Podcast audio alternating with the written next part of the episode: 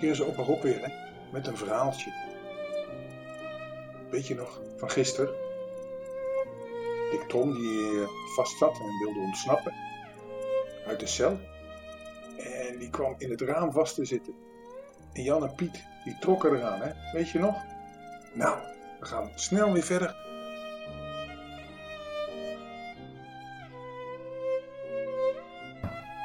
Kom maar, trekken je er wel uit. Het zal wel wat pijn doen, maar dat lukt wel.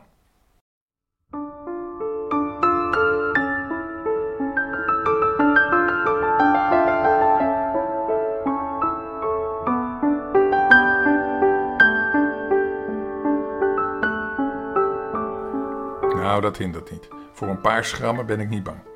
Dick stak zijn armen en zijn hoofd door de opening. Jan en Piet pakten hem stevig beet en trokken hem naar boven. Het was een tamelijk zwaar vrachtje en de opening bleek maar net groot genoeg. Dick vulde die helemaal met zijn dikke lichaam. Hé, dat is zwaar. Ik moet even rusten, zei Jan. Dick zat nu halverwege buiten, door het kozijn. Zijn benen hingen nog binnen in de donkere ruimte achter hem. Kom Piet, vooruit maar weer. Trek maar, zo hard je kunt, riep Dick. Doe maar gerust of je thuis bent. Je hoeft mij niet te ontzien. De jongens trokken uit alle macht. Maar het ging op een slakkengangetje. Dick was te dik. En daarbij zaten zijn zakken zo vol perziken dat hij nog dikker was geworden. Er komt volk aan, riep Jan Vos, Vos plotseling. Het is Flipsen. Maak dat je wegkomt, Piet. In een ogenblik waren ze allebei verdwenen. Ze kropen achter de haag dicht bij het raadhuis. Vandaar konden ze alles horen en zien. En Flipsen kwam naderbij, met nog een bos stro en een kan water. Daar viel zijn hoog op dik, die niet voor of achteruit kon. Riep hij lachend. Daar kom ik juist op tijd. Wou je ontsnappen, jongen? Wacht, ik zal je helpen. Ik ben zo kwaad nog niet als je dat denkt. Hij pakte Dick beet en trok zo hard hij kon. Maar de perziken hielden hem gevangen. Dick kon onmogelijk door het venster. Zo, baasje, je hebt je lelijk vastgewerkt. Die tralie was voor jou helemaal niet nodig, merk ik. Je kunt er toch niet uit. Dat is grappig. Wacht, mijn beste jongen, ik kom bij je. Dan zal ik je aan de andere kant wel helpen. Dan heb ik meteen een bed voor je. De veldwachter nam het stro weer mee, deed de deur open en kwam de cel het hok binnen. Nauwelijks was hij daar, of Jan Vos sprong voor de dag en zei: Kom Piet, kom Piet. We moeten Dick niet aan zijn lot overlaten. Laten we proberen wie het hardst kan trekken: Flipsen of wij. Jan en Piet pakten Dick opnieuw bij zijn armen beet en trokken zo hard ze konden. Ondertussen trok de veldwachter aan de binnenkant aan zijn benen. En die trok ook uit alle macht. En het gevolg was dat Dick gewoon bleef zitten in, een, in het raamkozijn.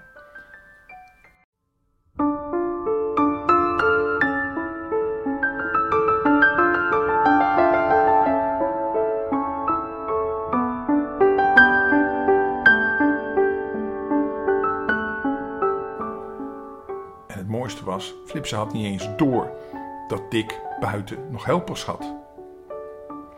Zette zijn beide benen tegen de muur en trok met geweld aan Dick zijn. En die waren nog steeds bijzonder wijd. Laat me eventjes los, jongens, fluisterde Dick, die een inval kreeg. En zodra hij zijn handen vrij had,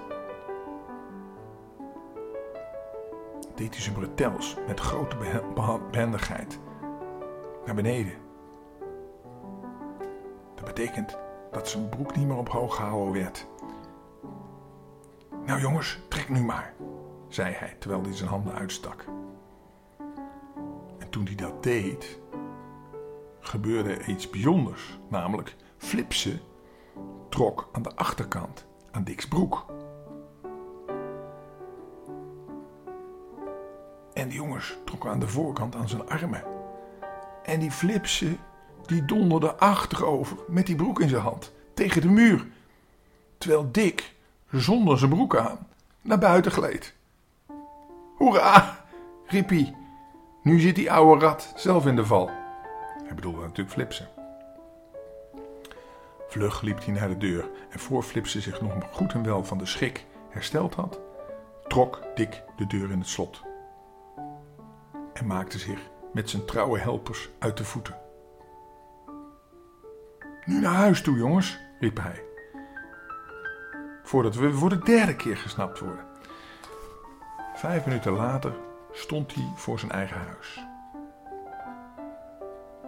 Hij dorst toch niet naar binnen te gaan. Hij had er geen zin in. Hij opende de deur niet en de andere jongens had hij niet meer gezien. Zou moeder niet erg schrikken als ik zo half gekleed thuis kom? mompelde hij. Als ze gezond was, kon ze zeker over het voorval lachen. Maar nu? Nee, nu gaat het niet. En die flipsen kan ik daar toch ook niet laten zitten. Ik weet nu uit ervaring wat een vervelende plek die cel is. Nee, dat gun ik de man niet. Hij is wel een beetje lastig. Maar ik kan hem niet de hele nacht daar laten zitten. Ik ga hem er weer uithalen. Zijn vrouw maakt zich vast ook zorgen. En dat is een goed mens. Want die heeft de laatste dagen een aantal keren de belangstelling voor moeder getoond. Alleen al daarom moet ik Flipsen verlossen. Dick keerde terug naar het raadshuis. In de verte hoorde hij Flipsen al om hulp roepen. Help, help, klonk het. Oh, die rakkets, die schelmen, help! Nou, nou, hier ben ik al, Flipsen, zei Dick, die zich voor het venstergat plaatste. Als je mij belooft dat ik vrij naar huis mag gaan, zal ik je verlossen. Vrij, schreeuwde Flipsen. Dat nooit, dat nooit, versta je? Jij, aardsschelm, wacht maar, ik zal je wel krijgen. Nu Flipsen, dan blijf je erin, dat begrijp je. Spijt me, want ik zou je graag vrijlaten. Want ik ben eigenlijk daarvoor teruggekomen. Maar als je niet wilt, moet je het zelf weten. Goedenavond. Dick keerde zich om en wilde vertrekken. Ho, ho, ho, ho, ho, Dick. Zo bedoel ik het niet, riep Flipse, die nu begreep dat het Dick Menes was. Ik dacht dat je gekomen was om me voor de rek te houden. Maar als je het werkelijk meent, is het wat anders. Ik meen het, zei Dick ernstig. Ik weet nu uit ervaring hoe onaangenaam het daar binnen is. En ik kan het niet over mijn hart verkrijgen om jou hier de hele nacht te laten zitten. Maar eerst moet ik mijn broek hebben. Nou, hier is hij dik, zei Flipsen, die hem door het gat stak. Dick trok dadelijk zijn broek aan. Laat me er nu uit, Dick, vroeg Flipsen. Maar wie verzekert me nu, zei Dick, dat je me niet dadelijk weer zult opsluiten? Jij kunt veel harder lopen dan ik. Ik beloof het je, Dick. Een andere zekerheid kan ik je niet geven. Toe, laat me eruit. Kun je de deur van binnen openen als ik je de sleutel geef? Ja, ja, geef maar hier. Dick haalde de sleutel uit het slot en wond er een dun touwtje om dat hij stevig vastknoopte. Hier heb je hem, Flipsen. Eer je dat touwtje eraf hebt, ben ik al lang thuis. Je hoeft me anders niet te wantrouwen, Dick, want een belofte breek ik niet. Maar zo is het ook goed. Dick gaf de sleutel en ging naar huis. Toen hij binnenkwam, lag moeder een beetje te dutten. En vader zat met zijn beide handen onder zijn hoofd aan tafel te slapen. Beiden werden wakker toen hij binnenkwam. Dick ging voor het bed van zijn moeder staan. Hoe is het met u? vroeg hij. Nou, veel beter, Dick, veel beter. Maar nog wel erg zwak. Oh, gelukkig. Dat zal dan elke dag wel beter worden. Wilt u niet wat eten voor we naar bed gaan? Nee, kind, dank je. Ik heb helemaal geen eetlust. Alleen zou ik wel trek hebben in een lekker zacht peertje. Zouden de onze nog niet rijp zijn? Of zijn ze al opgegeten? Nee, moeder, zeker niet. We hebben ze juist voor u aan de boom gelaten. Wil ik er een paar halen? Er zitten er twaalf aan. Ik heb ze vanmiddag nog geteld. Ja, Dick, dat is goed. Ik heb er grote trek in. Mijn mond is zo droog. Dick ging naar buiten en in de tuin achter het huis stond een klein perenboompje dat zijn vader daar een paar jaar geleden geplant had. Het was de enige vruchtboom die ze hadden. Vorig jaar had het boompje nog geen vruchten gedragen, maar deze zomer waren er twaalf heerlijke peren aangegroeid. Dick had er veel met een begeerige blik naar gekeken, maar had ze toch niet opgegeten.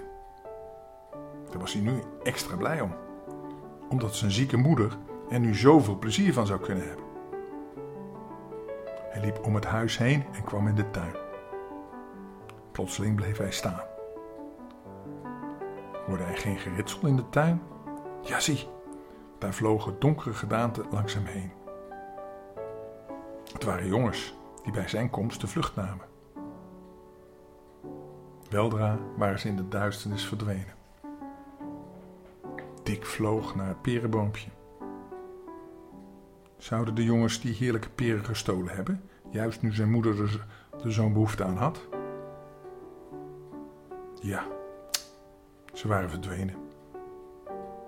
Hoe hij ook zocht, hij kon geen enkele peer meer terugvinden. Tranen van spijt kwamen in zijn ogen. Hij had zo graag zijn moeder een peertje aangeboden, maar nu waren ze gestolen. Het is gemeen, riep hij met gebalde vuisten. Het is slecht. Maar ik zal. Maar plotseling zweeft hij, zweegt hij en kreeg hij het schaamrood op zijn kaken. Ik heb het zelf ook gedaan, mompelde hij. Ik ben even slecht als zij. Ik ben ook een dief, een lelijke dief. Nou, nu voel ik goed hoe slecht het van mij was. En ik weet nu dat stelen stelen is. Of het nu een gulden is of een appel, dat zal me nooit meer gebeuren. Ik wil geen dief zijn. Met langzame stappen ging hij weer naar binnen. En te neergeslagen zei hij wat er gebeurd was. Voor de eerste keer in zijn leven durfde hij eigenlijk zijn moeder niet in haar eerlijke ogen te kijken. En hij voelde alsof hij zelf de peren gestolen had. Hij had er zoveel berouw van dat hij die hele nacht bijna niet kon slapen. En na die tijd stal hij nooit meer peren. Nou jongens, dat is een wijze les voor hem. Nooit meer peren stelen. Je mag niet stelen, hè? Nou, nou, als je niet steelt en als je een goed geweten hebt, dan kun je lekker slapen. Ga jij dus maar lekker slapen, hè? Tot morgen. Welterusten. Ik hou van je.